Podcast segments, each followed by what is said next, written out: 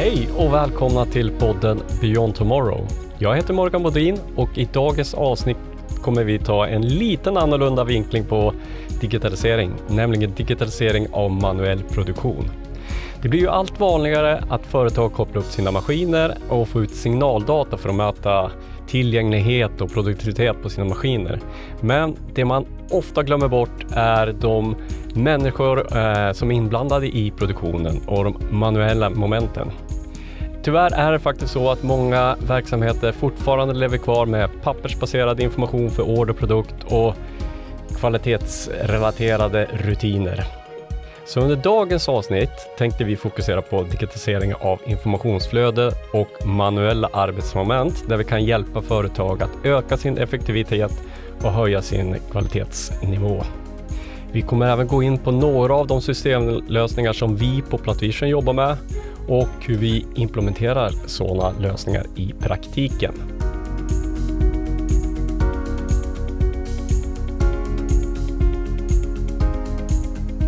Välkommen Thomas!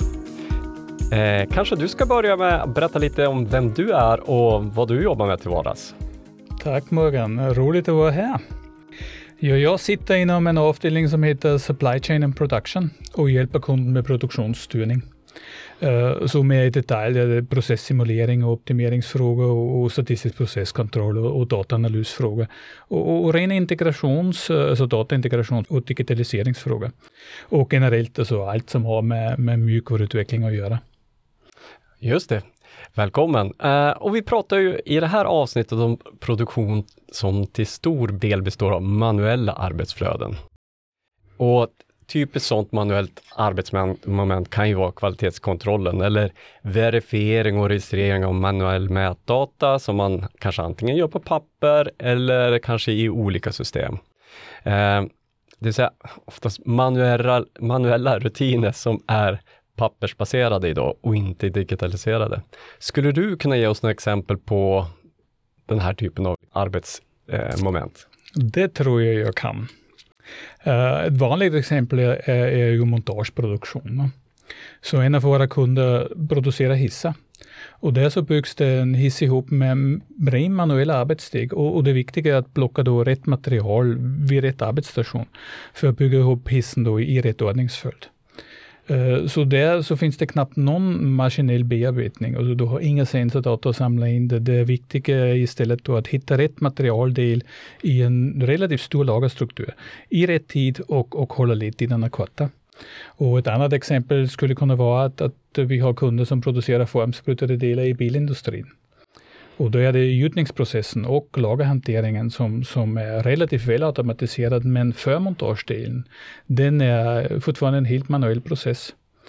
Uh, och utöver det så har du lackeringsprocessen då, som å andra sidan då kräver extremt komplex optimering för att tillåta just-in-time-produktion.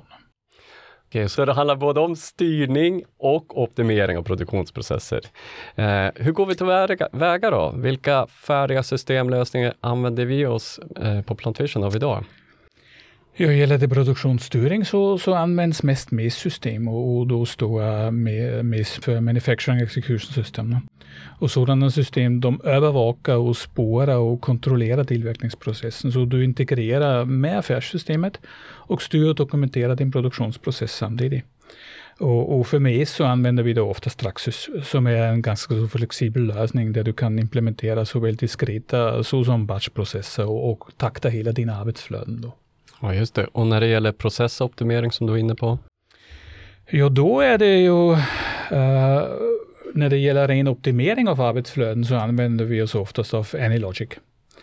Uh, som är 2D simuleringsmjukvara. Eh, Men gäller det processschemaläggning till exempel så jobbar vi mest med Siemens Opcent APS. Men alltså generellt ser vi att det kan vara mest kostnadseffektivt för kunden att implementera egna lösningar så gör vi även uh, detta såklart. Okej, okay, så vi levererar även egenutvecklade system och vad brukar vi basera det mest på då i så fall? Så vi är ett relativt Microsoft-centrerat företag, så, så backend blir oftast SQL Server och, och C-sharp. Uh, fronten för våran del då med fördel Blazor. På mobilsidan så gör vi det mesta i, i MAUI och C-sharp.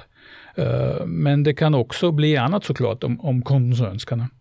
Eh, så med skiftet till cloudlösningar så, så har mjukvaruarkitekturen generellt rört sig i en helt ny riktning. Men, men detta är ett ämne för en helt separat podd. Ja, det har du helt rätt i Thomas. Så om vi försöker gå tillbaks till eh, det här med manuell produktion då. Så med processstyrning så menar du alltså de aktiviteter som ska ske i produktionen, alltså att eh, vi säkerställer att vi gör dem i rätt ordning och med rätt kvalitet. Eh, men vad vill kunderna verkligen uppnå med eh, digitalisering av sin manuella produktion? Då? Ja, tar vi exemplet hissarna igen då från innan så, så hade de ett ERP-system där en hissorder kunde tilldelas en materiallista och operatörerna i produktionen de fick en pappersutskrift av den som beskrev vilka material som skulle blockas. Och det blev då ganska ofta eh, väldigt fel eh, när det blockades och, och det kunde ta lång tid att hitta materialen. Så, så deras egentliga huvudmål var ju således då att dra ned felblock till ett minimum och få en visuell indikation om i vilken ordningsföljd hissen ska byggas ihop. Och med dess hjälp då uh, eh, korta ledtiderna och höja effektiviteten i produktionen. Mm. Och jag vet, jag känner ju den här kunden väl och jag vet ju också att de, det fanns ju ett bekymmer för dem att det vill säga att det, de hade bra kvalitet när de hade erfaren personal på plats men såklart mm, nyanställda precis. eller kanske nyrekryterad personal innan de faktiskt hade lärt sig allting korrekt så, så genererar det mer eh, fel eh, förstås då. Och det är väl en typisk sån här grej som man kan angripa med att digitalisera sin sina manuella processer, det vill säga att man, man säkerställer att alla gör på samma sätt. Va? Helt rätt. Mm. Och har du fått någon feedback från den här kunden om hur, hur väl de lyckats med att gå från helt manuell produktion till digitala arbetsflöden? Det har vi mycket väl, så, så den kunden då, det har man över förväntan lyckats, eh, tycka de, med att optimera lite i denna och minimera felblock framförallt. Då, ne? Så det finns eh, väldigt få tillfällen nu eh, då man inte vet om man har ett visst material hemma längre. Och, och var den finns då. Så som en anekdot, så när jag pratade med dem nyligen så sa de i förbigående att uh, de inte ens vet längre hur de tidigare lyckats med att bygga en enda hiss. Alltså innan uh, MES-systemet var på plats. No? Ja, och det, det, är ju fantastiskt kul för oss som leverantör att höra det naturligtvis. Eh, men hur, hur gick vi tillväga tillsammans med kunden? Hur har den här resan sett ut för, för dem? Ja, tittar vi på den tekniska sidan så alltså, vi börjar ju såklart med att avbilda deras arbetsflöden i Traxys och, och implementera integrationen med ERP-systemet i fristående Windows Service-moduler. Uh, så de där servicerna de kollar nu dygnet runt om det finns nya hissorder och, och bygga sen upp strukturen för hur hissen ska produceras i Traxys. Så när ett arbetsflöde är avslutat av användaren så, så skickas uppgifterna tillbaka till ERP-systemet om vilka material som har blockats, vid vilken station och, och om hissen har skeppats och, och med mera. Så Traxys visar då visuellt för användaren vilka material som ska blockas vid vilken station och dirigera användaren till den fysiska platsen där materialen finns. Så användaren måste sedan skanna in materialet för att säkerställa att rätt material har blockats. Så går det till. No? Ja, okej. Okay. Ja, just det. Så och det här exemplet som vi pratar om nu, det är ju ganska materialintensivt med väldigt, väldigt många olika artiklar och normalt sett när vi kommer in till kund så är ju affärssystemet master för eh, materialdefinition och lagersaldo och så, och så vidare. Hur ska man resonera här och hur resonerar den här specifika kunden, kunden kring hela det här med materialflödet från godsmottagning lagerförflyttningar, eh, förflyttningar, inventering, skeppning etc. Ja, så Traxis är ju då i princip nu deras single source of truth när förlaget lagersaldo. Samt att den håller ju hela tiden reda på vart i lagret specifika delar befinner sig, precis nu i tiden. Så när en inleverans sker då till exempel så är det ju i Traxis användaren motormaterialet och skanna in lagerplatsen och, och ange antal av inlevererat material. För inventeringen till exempel så använder vi oss då av Traxys taskstruktur. Där vi i början av året delar in randomiserade inventeringstillfällen för alla material som användaren sen vid den tilltänkta dagen utför. Så avvika aktuell lagersaldo så måste den korrigeras och ERP-systemet informeras. No? Så, men även reklamation av material hanteras såklart inom Traxys-delen. Och, och, och, men, men den delen har du till stor del implementerat, så kanske du kan beskriva den bättre än jag. Ja, det kan jag väl göra. Eh, och du har helt rätt, eh, just med reklamation så är det ju ofta så att det är operatören som upptäcker eh, ett eventuellt fel på materialet, till exempel vid montage. Och, och just i det här caset så då vill man ju kunna trigga ett arbetsflöde, eh, i det här fallet ett, ett reklamationsflöde då, i Traxys med, med liksom betingelser för godkännandeprocess utifrån värde på artikel och, och så vidare. Så här blir det ju då ett samspel mellan Traxys och affärssystemet och användaren. Eh, kanske det ska vara en chef, eh, någon som ska godkänna att vi faktiskt eh, kan antingen kassera eller ska, kan reklamera det här, eh, den här artikeln till det här värdet. Så att det, blir en hel del transaktioner i affärssystemet kopplat till eh, till exempel i det här fallet inköpsordern då, för att man ska, ska kunna kommunicera med underleverantören, eh, få reklamationen godkänd från underleverantören och naturligtvis i sista steget så måste ju det här materialet de facto tas bort från, från lagersaldot i Traxys. Antingen som kasserat eller som går i retur till leverantören. Då. Nu när vi ändå pratar om affärssystem så behövs det ju då en hel del integration med affärs, eh, med, mellan affärssystemet och som sker eh, på produktionsgolvet då Thomas. Hur brukar vi implementera den här dataintegrationen eh, med ERP rent, rent tekniskt? Ja, I Traxis fall så finns det ju då fristående Windows Service-lösning. Eh, och den anropar då funktioner i extern kodmodul eh, och enligt fördefinierade timingreglerna helt enkelt. Så rent tekniskt så, så skriver vi C-sharp assemblies, alltså DLLer, eh, där vi implementerar den kommunikationen då mellan ERP-systemet, till exempel Web API, och, och Traxis. Då.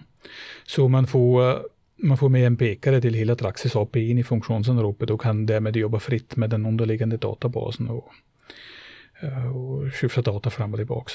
Så att man dessutom kan hålla koden utanför Traxis-miljön är då ännu en väldigt fördelaktig del ur ett, ur ett källkodshanteringsperspektiv. Så vi tar detta alltid ett steg längre hos oss och, och även flyttar så gott som all kod som normalt skrivs direkt i draxis i frontend webbsidorna till dessa assemblies. Så vi har full kontroll över ändringarna och, och individuella release cycles och så vidare. Så med det så undviker vi kodduplicering och eftersom mycket av koden som service måste utföra även då ska utföras av frontend-sidan. Mm. Så det är vi inne lite grann också på hur vi jobbar med kod och, och kvalitetssäkring av kod Precis. och säkerställa att vi, vi, inte har dubbletter av kod förstås då. Eh, finns det andra möjligheter att integrera data från externa system i Traxys? Jo, det finns en annan lösning då som heter Logic Service och, de, och den använder du om du vill importera taggspecifika data, alltså sensordata till exempel. Så med, med, med den så kan du till exempel få in OPC-data eller data från externa PLC, SCADA eller LIMS-lösningar. Och, och Parsec har då även en egen wireless sensorlösning med standardtryck, temperatur, vibrationssensorer eh, och andra och Parsec, när du säger Parsec, det är eh, vår partner då som faktiskt eh, eh är ägare till Traxys-plattformen. då. Så du menar, trots att vi nu diskuterar manuell produktion, så, så det är klart att det är jätteintressant att vi kan i samma system som hanterar manuella eh, interaktion med användare och operatörer och arbetsflöden, manuella arbetsflöden, så kan, vi, kan det fortfarande vara intressant att läsa och skanna av sensordata. Jag tänker till exempel på, på materialförflyttningar i lagret eh, genom att skanna av R, eh, eller använda RFID-sensorer etc. Helt rätt. Precis så, den servicen den kan du då även använda för att, för att räkna ut uh, kopior. Eller exekvera affärsregler för, för att sätta event och, eller bestämma när nästa steg ska utföras till exempel. Så dessa data är väldigt värdefulla som du samlar in över tiden. Mm. Och vi var ju inne lite grann på det här, men just den här typ, hur, hur implementerar vi liksom exekvering av en process i flera delsteg? Då? Ja, då har vi ännu en separat lösning som kallas för Workflow Service i Traxis-miljön. Då, och den exekverar processer som sträcker sig över längre tidsperioder. Så med den så kan vi så kan vi exekvera processer i parallell och och stateless. Eh, eh, så ifall om, om, om liksom hela systemet skulle gå ner, att du inte förlorar liksom var du befinner dig i din produktionsprocess just nu, när hela systemet kommer tillbaka igen. Just det. Och nu, vi är ju inne på mycket teknik och så vidare, så att, men om, innan vi lämnar den delen av, av arenan. Ja, precis, jag vet att du älskar det Thomas. Men, men eh, om man pratar om, bara för våra lyssnars skull, då, om vi pratar lite om eh, infrastrukturen för, sån, för den här typen av lösning, hur kan den se ut? Ja, i dagsläget så är det oftast en, en infrastructure as a service-lösning, alltså en IaaS-lösning. Eh, där du har en, en virtuell maskin i molnet och, och SQL-server samt, samt dina servicer på samma maskin. Men uh, det kan också vara uh, att, att man sitter fortfarande on-premise med, mm. med vissa installationer. Ja, och, och, det är ju såklart en kostnadsfråga för eh, vi märker ju att många av våra kunder vill ju gå till molnet och, och vi jobbar mycket med Azure. Men det är ju, det, är ju, det finns ju ibland vi ser ju kunder, framförallt större kunder, eh, som eh, ser kostnadsfördelar att ha lösningen on-prem, det vill säga kanske i sin egen server eller, eller om de redan har någon partner som de jobbar med. Mm, helt rätt. Och inte bara kostnadsfördelar, också säkerhet eh, ska räknas in här. Helt rätt. Eh, så, så beroende på mängden sensordata också till exempel som ska läsas in online eller på storleken av, av de dataintegrationerna och aggregationerna som ska utföras så, så kan IAS-lösningen få skalbarhetsproblem. Mm. Så uh, i den del, liksom så nu är Draxis 12, den tillåter service i containers till exempel, som kommer att göra lösningen mer skalbar i framtiden. Så du kan även då kan du liksom förlita dig mer på, på molnsidan och jobba där. Mm. Uh. Och, och, vi har ju pratat mycket nu på hur vi samlar in data till till exempel Traxys eh, som vi diskuterar. Men, men det finns ju vi är ju en, Traxys kan ju även vara en datakälla i sig för, eh, för andra system då. Hur, hur kan vi exponera data och göra data tillgängligt för andra system i verksamheten? Uh, Japp, så i, i, ett fall så tillhandahåller till exempel då en webbservice som exponerar Traxys data för en kvalitetskontrollslösning. Och där har vi en kamera som avsynar uh, om en produktionsstil har sammanfogats på rätt sätt. Och uh, en snygg bildklassificeringslösning som är helt i linje med dagens AI-agenda mm. som alla pratar om då och andra. Så i ett annat fall så, så exponerar vi data från Traxys till en lagautomat där, eh, så, så att den maskinen kan presentera alla material som tillhör en order för operatören. Och sen så, så såklart så skickar den info tillbaks till Draxis om vad, vad som faktiskt har plockats då i realtid. Annars så, så ligger alla data i en central SQL-server-databas eh, så, som du kan då använda och exponera vid behov till mm. vad du vill. Just det. Och nu har vi pratat mycket om eh, det här med MES och Traxys. Så är det någonting som vi borde tillägga? Vad mer kan vi, liksom, om vi spånar vidare, vad mer kan vi, eh, om jag släpper lös det här nu då Thomas? Jaha, gör inte det.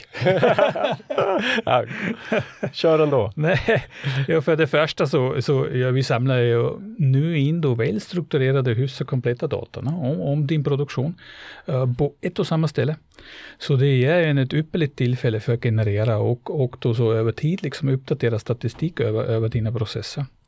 Så med hjälp av av statistisk processkontroll som, som ligger mig speciellt varm om hjärtat så, så kan man nu skaffa eh, sig en mycket mer detaljerad bild över sin process.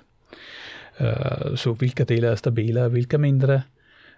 Jag kan inte förorsaka det produktionsproblem. Jag kan övervaka och förbättra produktkvaliteten och mycket, mycket mer. Och för det andra, om, om man då tänker lite i framtiden, så, så kan jag använda mig av dessa data för, för att hjälpa operatören via andra externa applikationer. Som till exempel en geolokaliseringslösning som jag skulle kunna lägga på som guidar operatören till den faktiska lagerplatsen. Eller en augmented reality-lösning som, som visar för operatören vart han ska sätta en viss skruv eh, och, och, med vilka specialverktyg och med vilket moment till exempel han ska, han ska dra åt den skruven. Likaså integration av virtuella agenter som till exempel föreslår eller, eller förklarar alternativa processsteg för operatören. Det är också något som, som skulle kunna hjälpa med processstyrning.